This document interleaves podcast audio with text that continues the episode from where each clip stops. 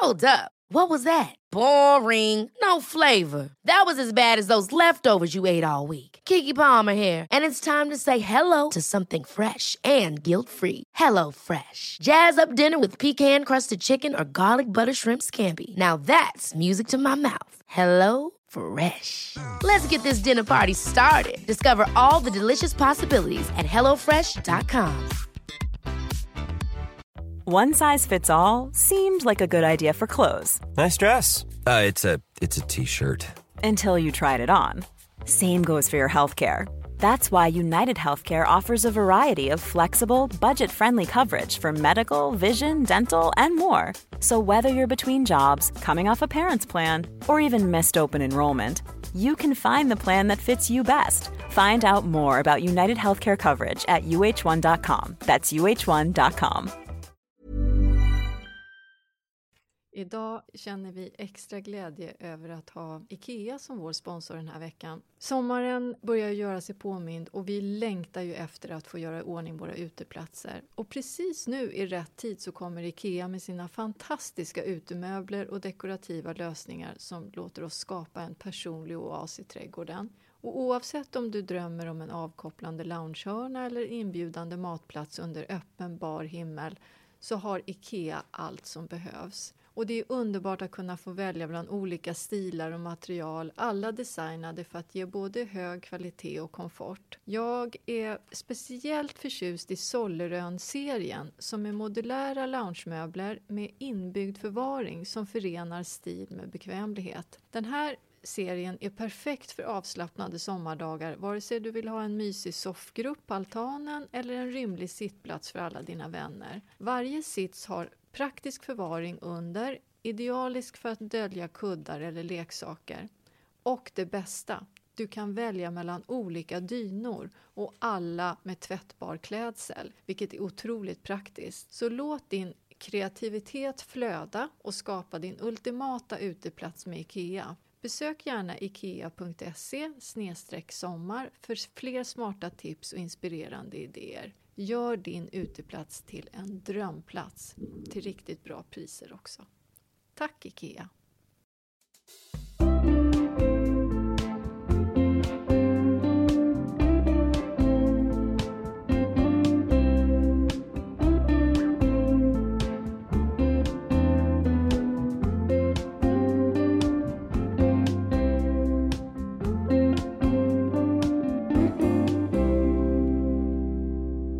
Mina damer och en och annan herre eh, vill jag tillägga. Det spelar ingen roll vad man har för kön när man lyssnar på den här podden vill jag också understryka faktiskt.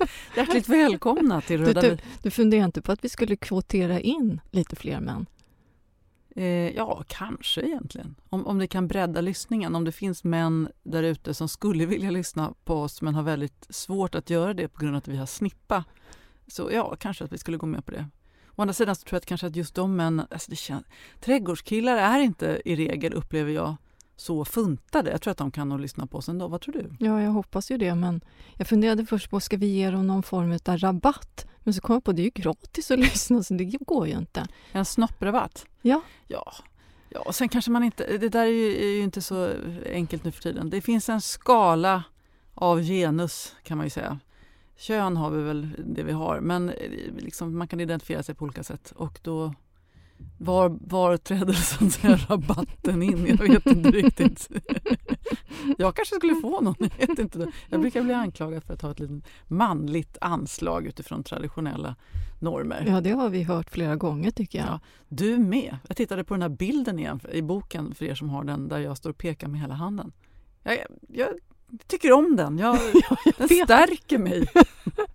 Du kanske ska förstora den? jag har faktiskt funderat på det. Jag vet inte hur jag ska hänga den Jag har rivit ut det bladet i mitt. Ja, och eldat upp till och med? Knöcklat ihop lite. Nej, tror jag, jag skojar. Jag, Absolut inte. Hur som helst, jag vill önska hjärtligt välkomna till avsnitt 119 av Röda vita rosen-podden. Och vi spelar in det här avsnittet. Det är fortfarande lite varmt ute den här långa, utdragna, milda hösten som inte riktigt har övergått i snö och storm, i alla fall i Stockholmsområdet än så länge. Nu tycker man om hösten, eller hur? Ja, det är härligt faktiskt. En krispig morgon, sen när dimman lättar, solen börjar glimra igenom de här röda, gula löven som börjar komma nu. Åh, oh, vad jag tycker det är fint. Mm. Ja, men återigen, man dras alltid liksom in i tankar kring klimatförändringar och vad är här för att stanna och vad är bara väder och hur ska vi hantera det framöver. Vi kan ju utlova en intervju i avsnitt längre fram i alla fall med en eh, botaniker som är duktig på vilka träd vi måste plantera i framtiden. Oerhört intressant. Du skickade ju den artikeln till mig.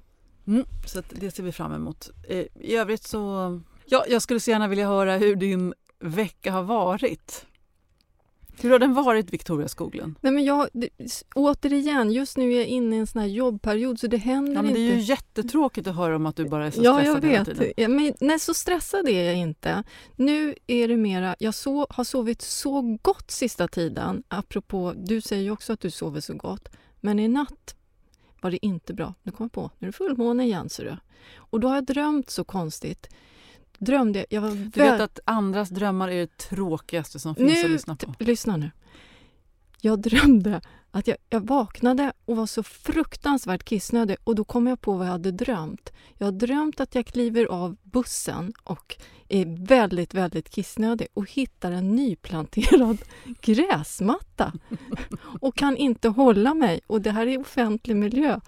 Då har jag kjol på mig. Det här drömmer jag alltså träder av trosorna och traskar runt på den här gräsmattan och kissar samtidigt för då tänker jag att de tror att jag inspekterar gräsmattan. Visst är det konstigt? Det värsta är att om du inte hade sagt att det var en dröm så skulle jag tro att det hade hänt på riktigt.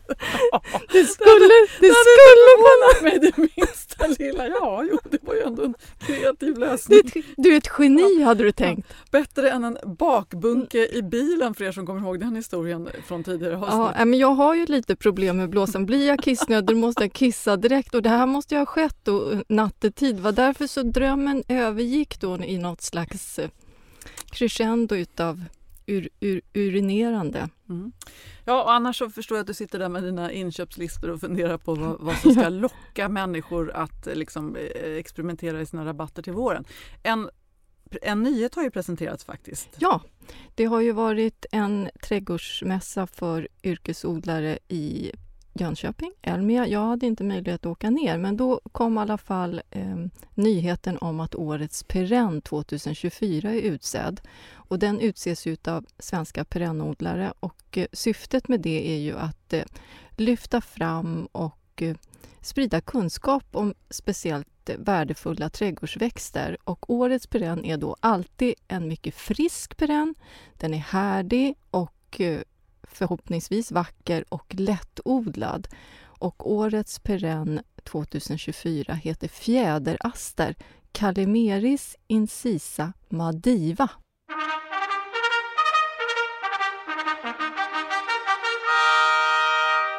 Och då till min förskräckelse eller besvikelse, kommer du ihåg att jag sa att jag hade satt, jag tror jag hade satt tre olika astrar istället för en, en aster som hade spridit sig lite för invasivt i min. Ingen av dem tycker jag är särskilt fin. Och då kom jag på, varför satte jag inte den här? Ja, det är obegripligt. Det är helt obegripligt. Jag anser mig ändå kunna en hel del om växter. Faktum är att man kan säga vad man vill om den här typen av årets perenn, att det är ett försäljningstrick bara att sätta fokus på en viss planta så man kan få, liksom, få fjong på den. Men jag, jag tycker i regel att de de lever upp till sin, eh, till sin reklam. Det gör de ju verkligen. Så jag skulle säga att det är nog inte bara kommersiellt utan det är ju en rekommendation att odla riktigt bra växter. Dock så surfade jag runt lite för att titta på den här Madivan och faktum är när det gäller härdighet så får den, det är olika klasser som är, är olika bokstäver, A, B, C, D tror jag ja. det sträcker sig till. Den får ju A då nu när den presenteras som årets perenn men tittar man på lite andra ställen så är det både ett B och ett C. Då blev jag helt förvirrad och tänkte hur härdig är den här växten egentligen? Men det där har vi ju pratat lite grann om förut att det har ju, man kan inte helt fastställa en zonangivelse så utan det beror ju lite grann på läget och i ett väldränerat läge högt upp i landet då kan väldigt, väldigt många växter övervintra. Men är det en tung och lerhaltig jord som samlar på sig mycket vatten då kan, då kan läget bli mycket sämre. Vad är det för skillnad på zonangivelser och de här bokstäverna? Perennerna har en, en annan angivelse än buskar och träd. Eh, så att om man läser på om perenner så finns det sällan zonangivelse angivna utan då får man gå på bokstäverna. Så det är skillnaden. Hur kommer det sig att jag inte har kunnat detta? Och jag är 51 år gammal.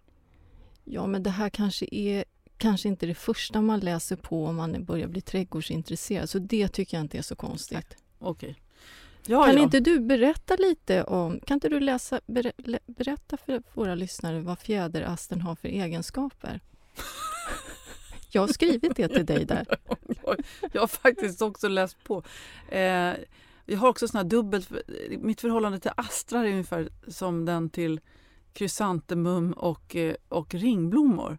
Ja. Att jag har haft ett litet liksom, horn i sidan men att jag börjar återerövra dem nu. Min kärlek till dessa blomster. Kan jag ha påverkat dig kanske? Nej, jag tror att det är cykliskt som med alla trender. Att, Ja. att det var väldigt inne när vi var små, sen blev det ute och nu är det inne igen. Mm, så kan det vara.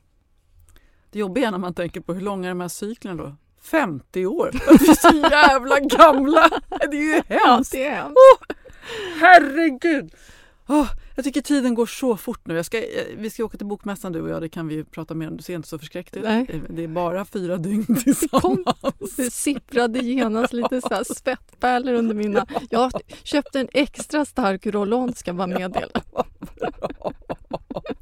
Och sen har jag köpt, vet du vad jag också köpt? Någon slags eh, kräm som är lite så här, du vet man kan bli lite rödflammig när man blir nervös, eller jag blir det. Ska pensla på med det innan. Nej, jag tycker man ska låta flammorna flamma upp. Det tyder på engagemang och närvaro i stunden, inklusive det som är nervöst. Men det jag skulle komma till var att jag, och vi, du och jag ska hänga alldeles för mycket ihop. Igen! Men, eh, och sen så ska jag också intervjua Camilla Läckberg som firar 20 år som författare. Det ska jag göra på söndag. Det är en del av seminarieprogrammet. Och eh, då skulle jag titta på lite gamla intervjuer som jag gjort med henne. Det har ju blivit en del med årens lopp. Och så hittade jag en som var...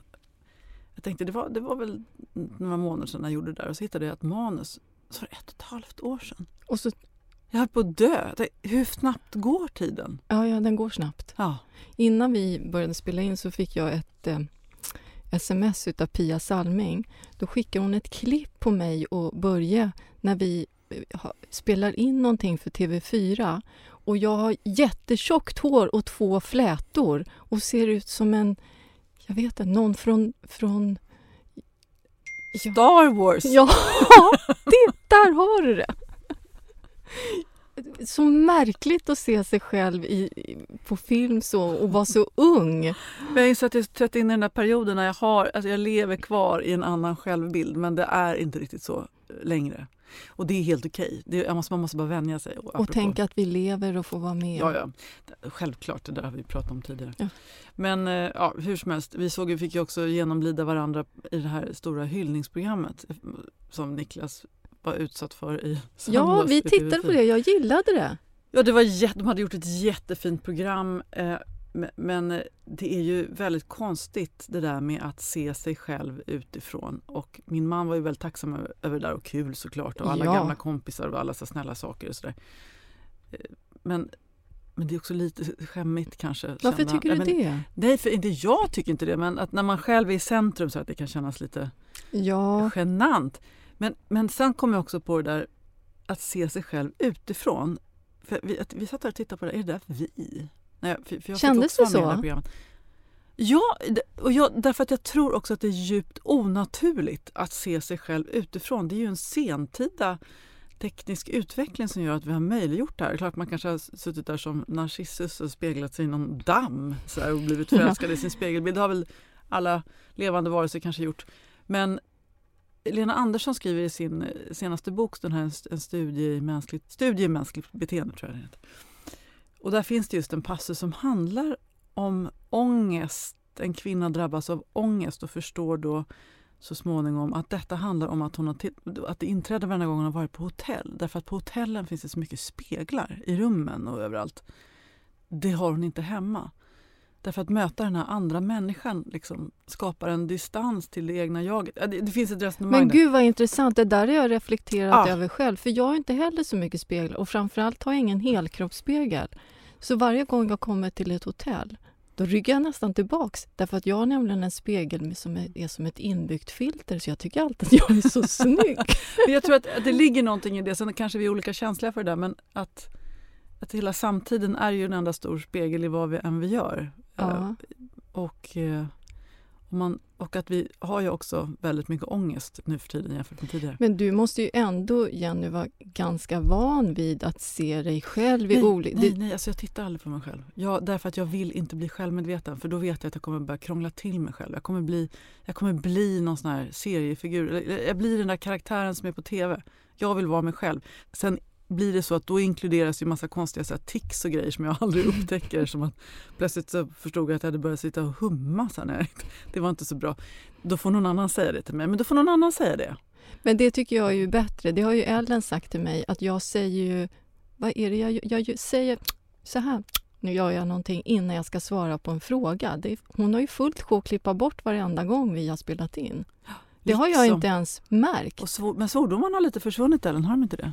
Ja. Men eh, med det sagt så tänker jag att eh, om man känner att man drabbas lite av ångest, jag tror verkligen det, ta bort lite... Ska man flytta till ett hotell då menar du? det, det är det man inte ska göra. Nej. Man ska plocka ner spegeln. Man ska inte titta sig i spegeln så mycket. Bort med dem. Men det gör inte, jag har inte tid. Nej, Va? men jag pratar inte om dig nu apropå Nej, men jag bara säger. egocentrism.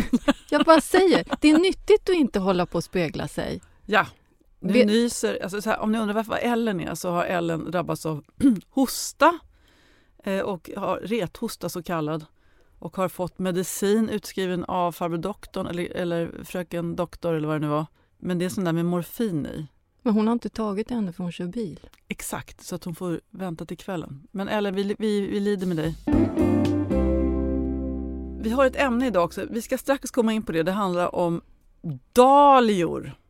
Så lystra nu alla nybörjar dahlia kvinnor eller kanske till och med de fullfjädrade. Ni, kanske, ni som kan allt kanske kan höra någonting som vi säger fel och korrigera oss. Det, Det är vi ni- också det- glada över. Men det tycker jag är bra, för det finns så många olika sätt att odla på. Det är det man lär sig så mycket på hela tiden när vi håller på med den här podden. Därför vi får input från alla håll och kanter. Men innan vi går vidare, Jenny, du har skrivit in... Jag har inte läst manuset här riktigt ordentligt. Då har du skrivit in under dig här, har en gullig man. Ja, Kan du jag för- är så kär i honom nu. Är du så kär i honom? Han är så gullig. Är han? Han är så gullig. Och vi, vi har det så bra. Idag morse tänkte jag, ja, nu stoppar jag tiden lite. Ja. Därför att det där är ångesten, jag har ju yttrat över att man är barnlös och sådär men det finns ju också en så fantastisk frihet att få vara i sin parrelation. Det är helt ljuvligt också. Åh, vad härligt. Och i morse hade han, och det här är ju så smörigt så att eh, jag, jag kan ju inte egentligen berätta det men nu gjorde jag det, jag la till och med upp en bild på Instagram därför att när jag, du vet, man, hast, man hasar in i köket på morgonkvisten och den som bäddar eh, behöver inte koka ägg och, och, laga, och koka kaffe och tvärtom. Så det brukar bli så någon slags rörelse på morgonen. En tyst överenskommelse. Ja, och han skulle iväg tidigt så att då hade han kokat kaffe, ställt en termos och så hade han lagt ett ägg och jag kastade mig över ägget och började knacka loss det. För det har jag hört av the glucose goddess att man ska trycka ägget först innan man käkar gröten och allt det söta. okej. Sen så, så ställer jag mig och ska liksom pilla av det där äggskalet och då står det med någon liten blek tuschpenna en hjärta J. Ja, det var gulligt. Det var väl gulligt? Ja, det var riktigt gulligt. det var så smörigt så att jag, jag kan ju nästan inte berätta om det men jag blev glad. Och vet du vad jag gjorde då sen? Nej. För att jag fick så dåligt samvete. Jag gick och köpte en present! Så nu har han fått en present. Men vad, vad fint, jag ska åka och köpa en present efter. Det, det, av ingen anledning alls så fick han Nej. en present. Men nu är det så att vi har bröllopsdag på fredag nu när vi är i Göteborg. Så jag har ju bokat eh, bord på en restaurang så vi ska gå på, han och jag har en dejt. Men jag måste ju köpa någonting också, så en slags... Ja, Försoningsgåva. ja, för att jag inte har varit riktigt närvarande. Ja, det är bra. Vad ska jag köpa? Vet du vad jag ska köpa som han tycker om? Snabbmakaroner. Det, det ska han få. Och trisslotter. Och kanske han ska få någon ny typ. Ta någon med jordgubbssmak. Ja, nej, nu går vi vidare här. Mm. Jag kan Ja. också säga att jag, jag vågade säga, jag fick en, en ett, ett, Jag har varit väldigt- alldeles varm nu när vi pratar om det här. av nervositet Jag eller vet av, inte, av upphetsning. Nu ska vi prata om dahlior Ja. och då är min första fråga till dig. Är du nöjd med årets dahliabestånd? Nej, därför att jag eh, odlade alldeles för få sorter. Jag kom av mig. Vilka sorter odlade du? Jag odlade Café de Paris. Som ett smör alltså? Ja, den tyckte jag var ganska fin. Sen odlade, tog jag hem en sort som var omärkt. Fan, jag blev sugen på Café de Paris-smör. Ja. Du, tog hem en ny sort också, vilken var det? Nej, ingen ny sort. Jag tog hem en omärkt, för så är det ibland att man får ta hem svinnet. Och, eh, så jag har ingen aning om vad det var för sort och jag har frågat mina kollegor och ingen säger att de vet vad det är för en. Eh, Den är vit i alla fall. Lite bollformad. Ja, den var helt okej. Sen hade jag satt eh, Bishop Children. Eh, kom bara upp tre planter därför att jag tror att regnet tog dem.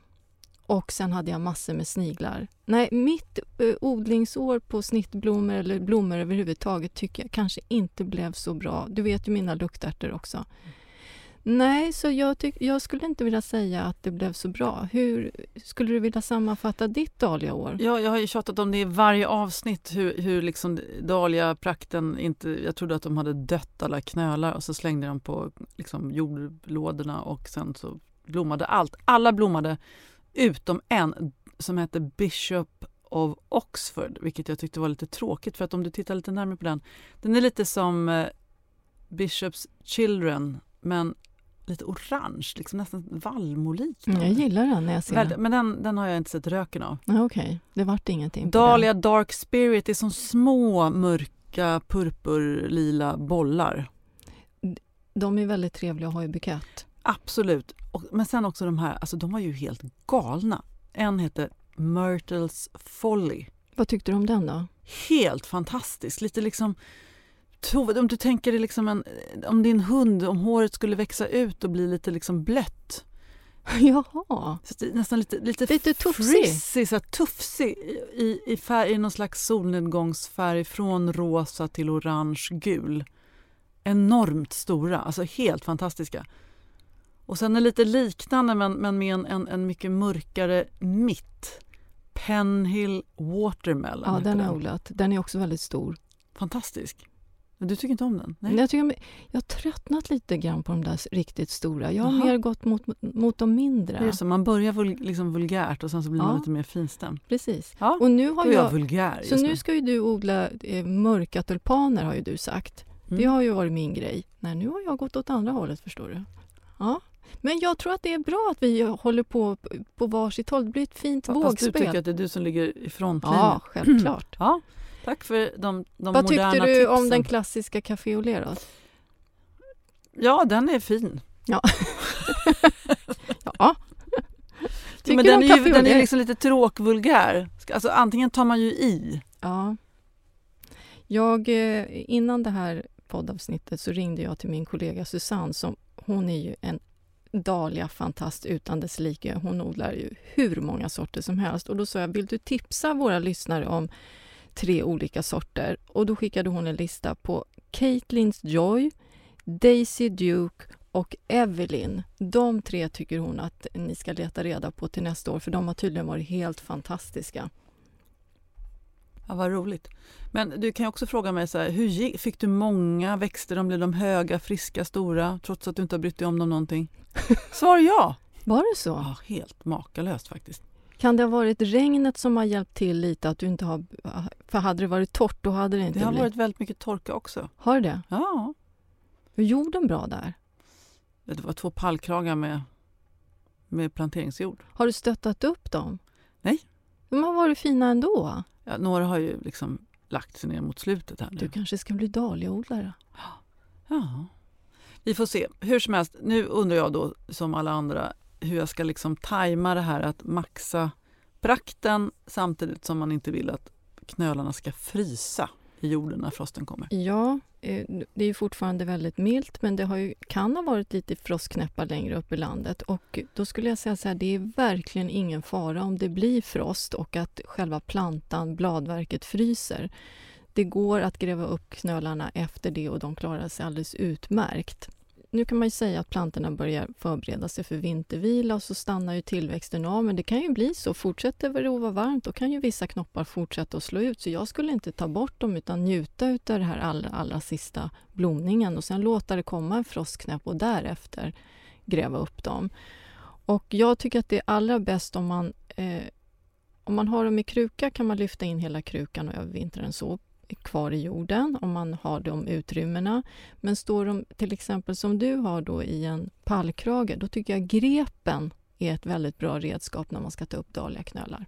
Jag har ingen grep. Har du ingen grep? Du kan få en utav mig, jag har massor. Ska jag få en av dig? Ja, den är begagnad. Var generöst. Ja.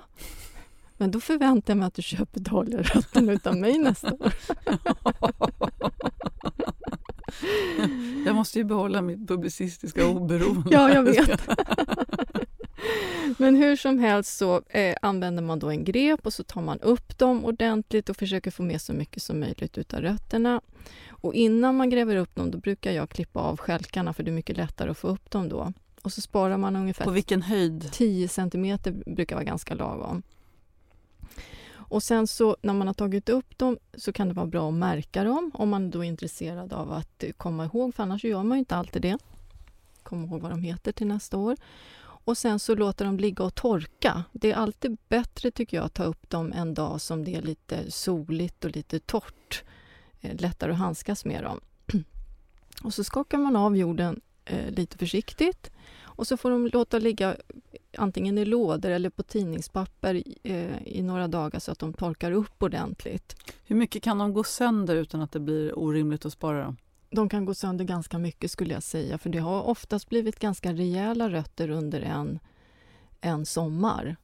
Och jag vet att eh, en del brukar skära i tur dem eh, när de tar upp dem för att på så sätt dela dem. Men jag skulle nog säga att ibland tycker jag att det är lättare att se de här ögonen som kommer på våren och att skära itu så att varje knöl då har ett öga som kommer att ge ett skott. För det ser man inte alltid på hösten. Så jag skulle säga att det är bättre att dela på våren när, när det är dags att ta fram dem. För då brukar man ju börja se att det spirar i dem. Det är ju deras naturliga cykel. Och sen ska ju då de här knölarna eller rötterna förvaras frostfritt. Det är viktigt. Eh, men helst inte helt kruttorrt, för då kan de ju skrumpna ihop. Och Det här är ett ganska vanligt problem, för det är många som brukar skicka bilder till mig på våren med alla möjliga ihoptorkade rötter och fråga om det är något liv i. Och Det är jättesvårt att svara på. För att, om det är en oliv? Om det är något liv. inte oliv. om det är något liv i rötterna. Eh, och sen så tycker jag att det kan vara bra att lägga dem i oliv. Du bara tänker på mat hela tiden. Du förvandlar alla ord till mat. Ja, ja. Ja. Mm. Och sen eh, kan man lägga dem här i en låda med halm, sand eller torr, eh, torr jord kan också gå bra. Och sen så är det bra om man tittar till knölarna lite under vintern och ser man att det är väldigt, väldigt torrt, då brukar jag ha en sprayflaska som jag har blandat med lite mikrober och så sprayar jag lite lätt på dem så att de håller sig jämnt, eh, så, så här lätt, lätt fuktade. Ja, det är en balansgång med den där fukten, får inte bli för fuktigt heller. Det Nej. där känner jag kommer bli läskigt. Det där kommer bli, mitt dahlia kvinnehjärta kommer krossas mm. där framåt när allt har möglat. Ja. Framåt mars när jag ska plocka fram dem? Ja, men det där är ju lite fingertoppskänsla. Det, det där är ju sånt som man läser. Och sen har det ju lite med temperaturen att göra också. Det, det idealiska tempen för att övervintra dahlior skulle jag säga mellan 6 och 10 grader. Det kan ju ibland vara lite svårt att hitta. Jag har en ganska fuktig matkällare där vi har en frostvakt. Ja, varför inte? Men sen är det ju då fukten som kan ställa till det. Så att här kan det vara bra kanske att du har lite halm för det, det tar, ju, tar ju upp lite av fukten utav, utav rötterna om det är väldigt fuktigt där inne, hög luftfuktighet. Du får nästan prova dig fram skulle jag säga. Mm. Men det är ju absolut värt att övervintra sina eh, knölar eller rötter för det blir ju fantastiska planter året därpå. Ja, den, den, den, jag hade sparat en i en kruka från förra året. Så fin. Den har Ja, blommat eller hur? hela sommaren. Ja, så det är ju på det sättet är det bra. Jo, just, just när man då, när, när det är knölar som man redan har haft ett tag då, behöver man gödsla på någonting liksom Du tänker mot på... slutet eller så? Nej, sluta gödsla nu Mm. för guds skull. Ingen gödsel alls och egentligen inte. Ja, fortsätter de att blomma och det är så här varmt, då kan de ju behöva vatten, men ingen gödsel. Så det här med kisseriet och det, det skippar vi ju helt nu. Så det är bara vatten egentligen som behövs för att knopparna ska slå ut. Och sen får, vi får väl ha ett extra avsnitt när man ska, vi ska plocka fram de här knölarna framåt vårkanten. Men jag tänker hur, hur om du, den här krukan till exempel som då kommer komma fram på andra året, Mm. eller tredje året blir det ju. Ja. Hur, jag, förra, i, så- våras så bytte jag bara jord och satte ner den i lite fräsch jord. ja, antingen så Sen har jag kan liksom du... kiss, vattnat med lite kissvatten. Ja. Men that's it. Kanske att roten är lite för stor då för den här krukan tredje året så det är möjligt att du skulle behöva gräva upp då den här roten och sen dela den i två och sen sätta den andra i en ny kruka. Mm. Så skulle jag nog göra. För jag gissar att det är ett ganska stort rotsystem i den här krukan så att det kan bli nästan på gränsen jobbigt att vattna och gödsla eh, nästkommande år. Men i mars, april ungefär brukar vara ganska lagom att börja ta fram och eh, förkultivera sina dahlior. Men gör man det för tidigt och inte har tillräckligt med ljus då får man ju de här väldigt, väldigt långa stjälkarna som kan bli lite väl gängliga. Så att starta inte upp allt för tidigt om man inte riktigt har det ljusutrymmet. Very well. Jaha, vad, vad ska vi säga Jo, mer? men någonting som jag tycker är bra. Jag odlar mina dahlior då i ganska stora plastkrukor. Och när jag tar upp dem, då har inte rötterna nått ända ner till botten. Då brukar det ligga ganska mycket så här jord kvar, gammal jord. Jag tömmer inte ur det, utan då brukar jag fylla på med bokashi. Och så lägger jag på jord och löv så att det här blir lite som en naturlig jordfabrik. Så på våren, då har jag ny jord i de här krukorna. Det kan vara ett ganska bra tips när man till exempel har odlat som, eh, sommarblommor överlag så kan det finnas gammal jord i botten som inte eh, har, har, har fyllts med rötter. Det brukar jag använda som jordfabrik. Mycket bra. Tänk att Tänk det är... att det har gått en ja, jag- säsong. Jag tänkte precis på det. Ja, Är det inte konstigt? jo. Samtidigt så, vet du vad jag tänker på Det ibland? varit djupt oroväckande. När jag det tänker på dig och mig och vår relation. Att vad mycket vi har delat under de här två, nästan tre åren. En pappa som har, har gått bort, en, eh, Kerstin gick bort. Vi har gråtit jättemycket emellanåt tillsammans. Och gud vad vi har skrattat också. Ja, det låter som att du är på väg att göra slut. Nej, absolut inte. Nej, jag vill tack. bara sammanfatta de här åren. På ett sätt så är det ju... Ja, nej, lite ömhet kanske också. Jag har lite Ja. ömhet. Jag vill ge dig cred för att du har blivit en så nära och fin vän, Jenny.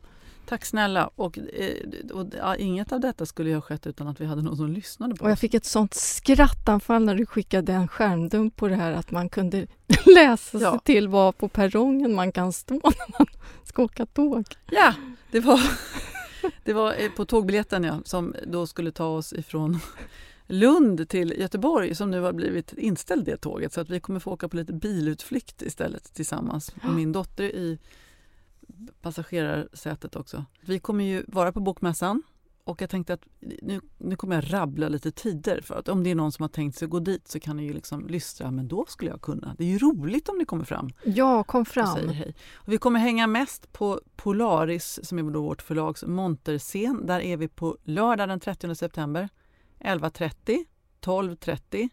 Klockan 13.30 är vi på Hantverksscenen. Där har vi inte någon moderator, Victoria, där ska vi tala själva. Hur känns det? Du talar och eh, Du, jag står glatt bredvid. Sen har vi klockan 15 är vi på grön scen. 10.30 på söndagen så är vi på Hantverksscenen igen och 13.45 på Polaris monterscen. Så då hoppas vi att vi får träffa någon av er. Det vore roligt. Ja, det vore fantastiskt roligt. Jag, jag, jag, jag ler fortfarande när jag tänker på att vi var på Trädgårdsmässan och fick träffa alla våra lyssnare. Det är fantastiskt.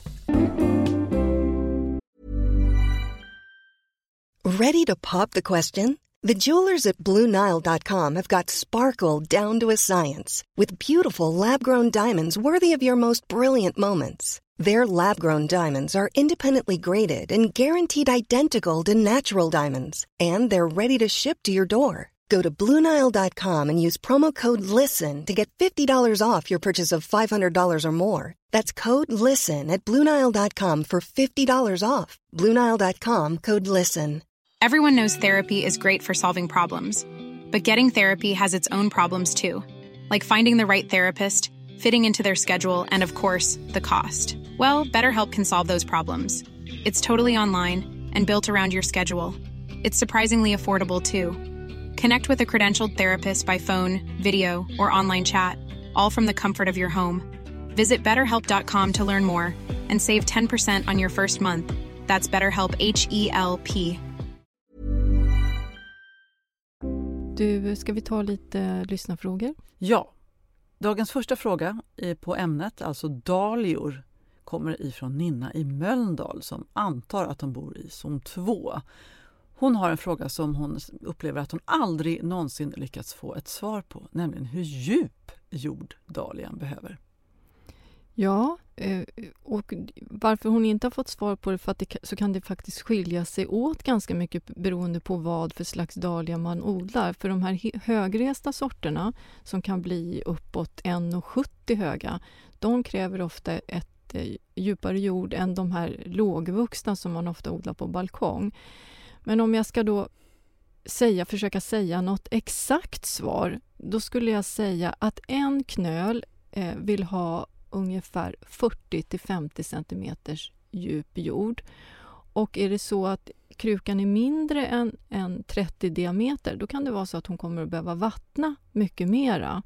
Så att egentligen hänger, man kan odla i väldigt små krukor men då måste man ju också vattna och gödsla mycket mer. Ju större kruka desto frodigare dahlia och eh, mindre ombesörjning utav vatten och gödsel. Så du säger egentligen så 30 till 50 liter?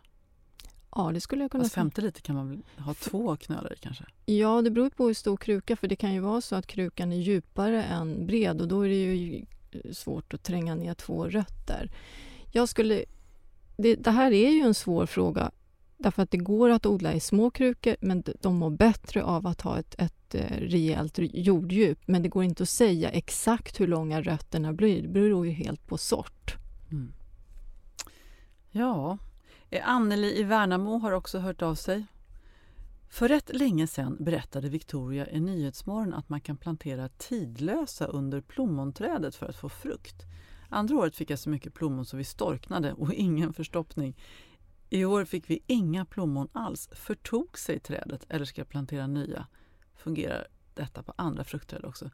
Det blev en rik skörd efter när hon hade planterat tidlösa men ja, hur?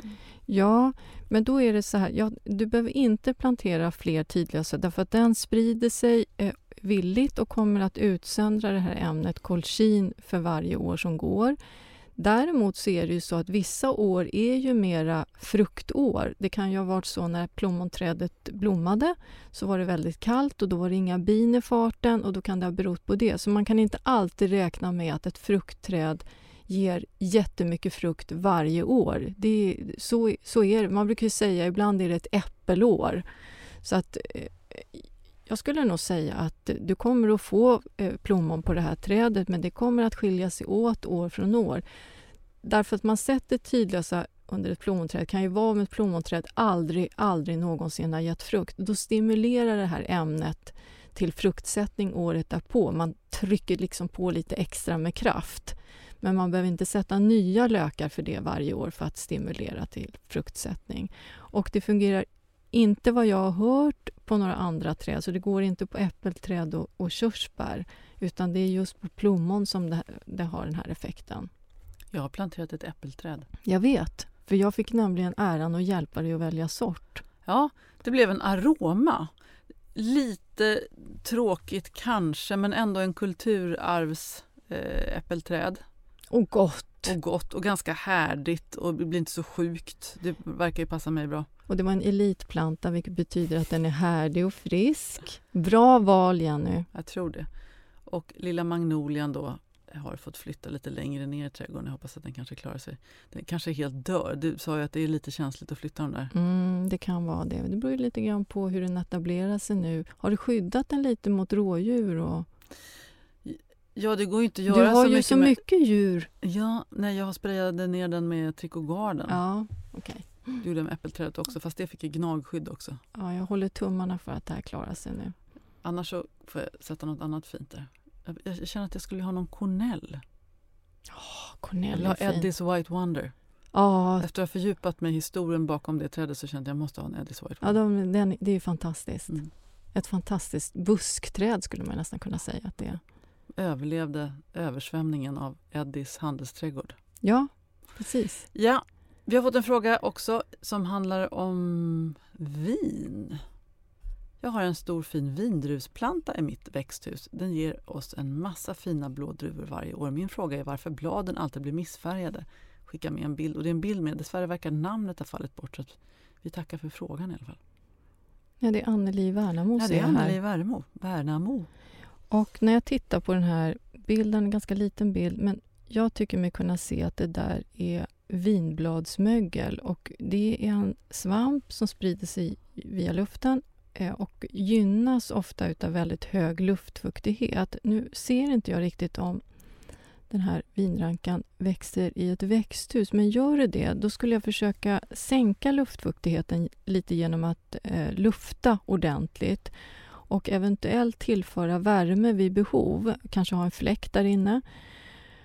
Men det finns inget medel att använda sig utav för att få bort det här vinbladsmöglet, utan det är att odla så luftigt som möjligt så plantorna torkar ut efter regn och man ska inte vattna på bladen och står det då i växthuset så, så lufta, försök att få in luft i växthuset. Och sen på hösten så när det tappar sina blad så plocka bort alla blad så att de inte ligger kvar där på jorden och eh, lägg dem i soppåsen och inte på komposten. Vad bra. Det är så mycket som jag vill göra i trädgården. Jag, fast jag kämpade på enormt bra i helgen, måste jag säga. Ja, vad skönt. Klapp på axeln. Min man åkte hem och tittade på derby mellan AIK och Djurgården. Det var det fler som gjorde, dock inte jag. Men eh, så bland annat har trädpionen också fått en ny plats då, ner i jorden istället för att stå i kruka.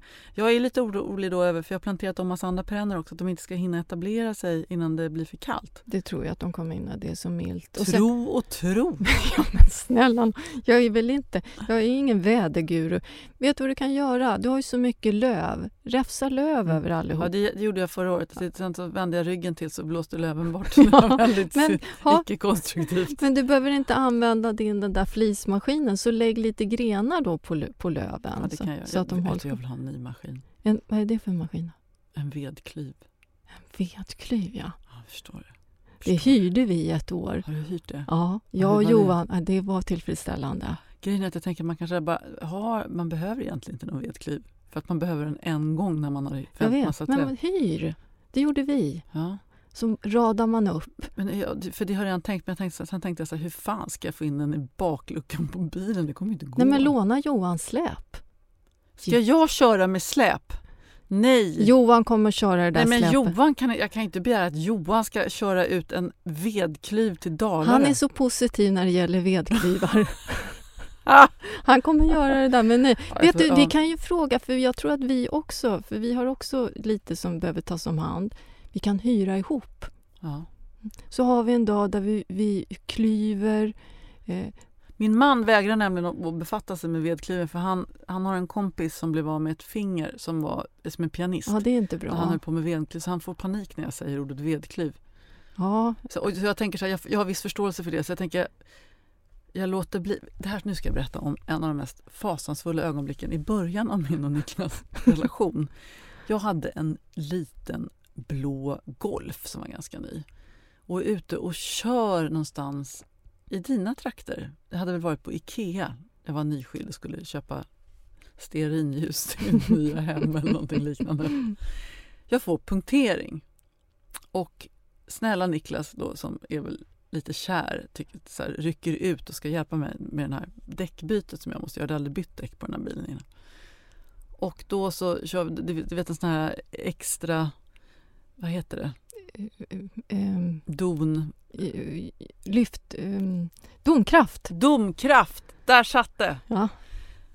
Ja, jag hade då ett sånt här extra eller domkraft i bakluckan som hon skulle veva upp. Och så, så fick vi på plats, det var lite krångligt och så precis när han liksom bara vänder sig om för att så, så, så liksom säckar domkraften ihop och bara pff, hela bilen åker ner i asfalten. Inga händer och fingrar emellan. Men alltså Herregud. de här tänk Ja. om-känslorna. Alltså, jag tror att där och då hade vår relation kunnat ta slut. inte för att jag inte hade velat vara ihop med någon eh, artist som, inte hade, som saknade ett finger men därför att den Ja, det var din skulden, bil. ångesten, skammen över att ha förorsakat detta indirekt hade jag inte kunnat leva med.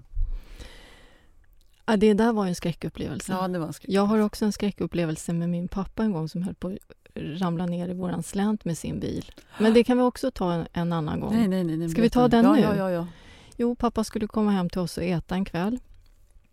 Och så kommer han farande med sin bil och det, våran väg sluttar väldigt skarpt neråt eh, innan man kör in på våran infart. Och så hör jag att han kommer och helt plötsligt slirar och sladdar och hela bilen far ner mot slänten och i sista sekunden, det här är som en film, ligger bilen och svajar på kanten ner mot växthuset. Och jag skriker och ser pappas blick. Sen ligger han, han kommer ju inte ur bilen för den ligger ju på sniskan. Den är på väg att tippa Den över. är på väg att tippa och över. växthuset var alldeles nybyggt. Typ. Fast jag tänker mest på din pappa. Jag, jag, vill, Ja, bara försöka, ja. jag vill bara få scenen klar Ja. framför mig då. Ja.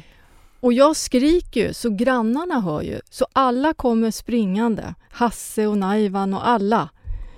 Och där, det här är som en Bondfilm. Då får jag kliva in i bilen. För han kan inte... För vi behöver ju dra upp bilen med en annan bil. Och då har ju han eh, parkeringen i. Och för att få ur den så måste man ju trycka på, på bromsen för att liksom hacka ur. Så pappa får glida ut ur bilen mot slänten och jag får hoppa in då som är lite lättare än honom på andra sidan. Men var Alltså det någon som höll emot? Ja, då? då höll de ju bilen. emot, men pappa kunde inte kliva ut förrän vi hade säkrat upp allting. Så att det här var ju många minuter som var extremt kritiska. Jag var helt slut efter. Och Johan är så arg på pappa för pappa har jättestora breda sandaler så han har ju tryckt på gasen istället för bromsen. Det är därför han har farit iväg. Och han är så upprörd för att pappa har kört med de här sandalerna och pappa är som en liten pojke efter förlåt, förlåt, det var inte bra skor. Fruktansvärt. Ja, Tänk alla de där gångerna där sliding doorsen hade kunnat gå på ett annat sätt, men det gjorde inte Nej. det. Jag funderar alltid om, över om det finns någon avräkning där uppe i himlen, att någon checkar av nu. ja. nu är det, jag vill bara säga att det, nu är det bara två gånger kvar, sen kommer det gå till helvete. Ja, det, jag brukar också tänka så. Och ibland tänker jag så också, när saker och ting är bra. Just nu har jag så här harmoni eh, med barnen och allting är egentligen harmoniskt. Jag har ingenting att oroa mig för. Då tänker jag så här, när kommer det? När, när ska det smälla till? Vilket är ju är en rimlig tanke Varför egentligen. då? Därför att det händer grejer i livet. Därför att det, är alltid, det dyker upp något litet motstånd här och var och det, får man bara, det är bara en del av det. Det är lättare att acceptera, Mm.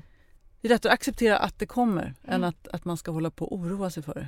Men det är Men att skönt. man klarar det, att man har liksom... Ja. Det här, Gud, jag säger att vi har pratat om allting innan. Vi har pratat. Vi, vår visdom sträcker sig till en viss gräns. Måste vi börja älta om hela tiden. Det är fan helt patetiskt. Men verkligen! Ska vi säga Vi hej är, och lite, tack? vi är lite begränsade, men vi uppskattar att ni står ut med det. Eh, upprepning också ett sätt Ja. att liksom lära sig Nej. saker. Men nu måste vi avsluta det här och förbereda oss för helgens bravader. Det gör vi. Och tack snälla käraste rosor för den här veckan så hörs vi nästa vecka. Hej då! Hej då!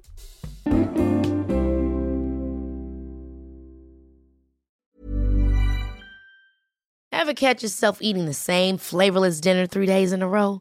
Dreaming of something better? Well, HelloFresh is your guilt-free dream come true, baby. It's me, Kiki Palmer. Let's wake up those taste buds with hot, juicy pecan-crusted chicken or garlic butter shrimp scampi. Mm. Hello Fresh. Stop dreaming of all the delicious possibilities and dig in at HelloFresh.com. Let's get this dinner party started.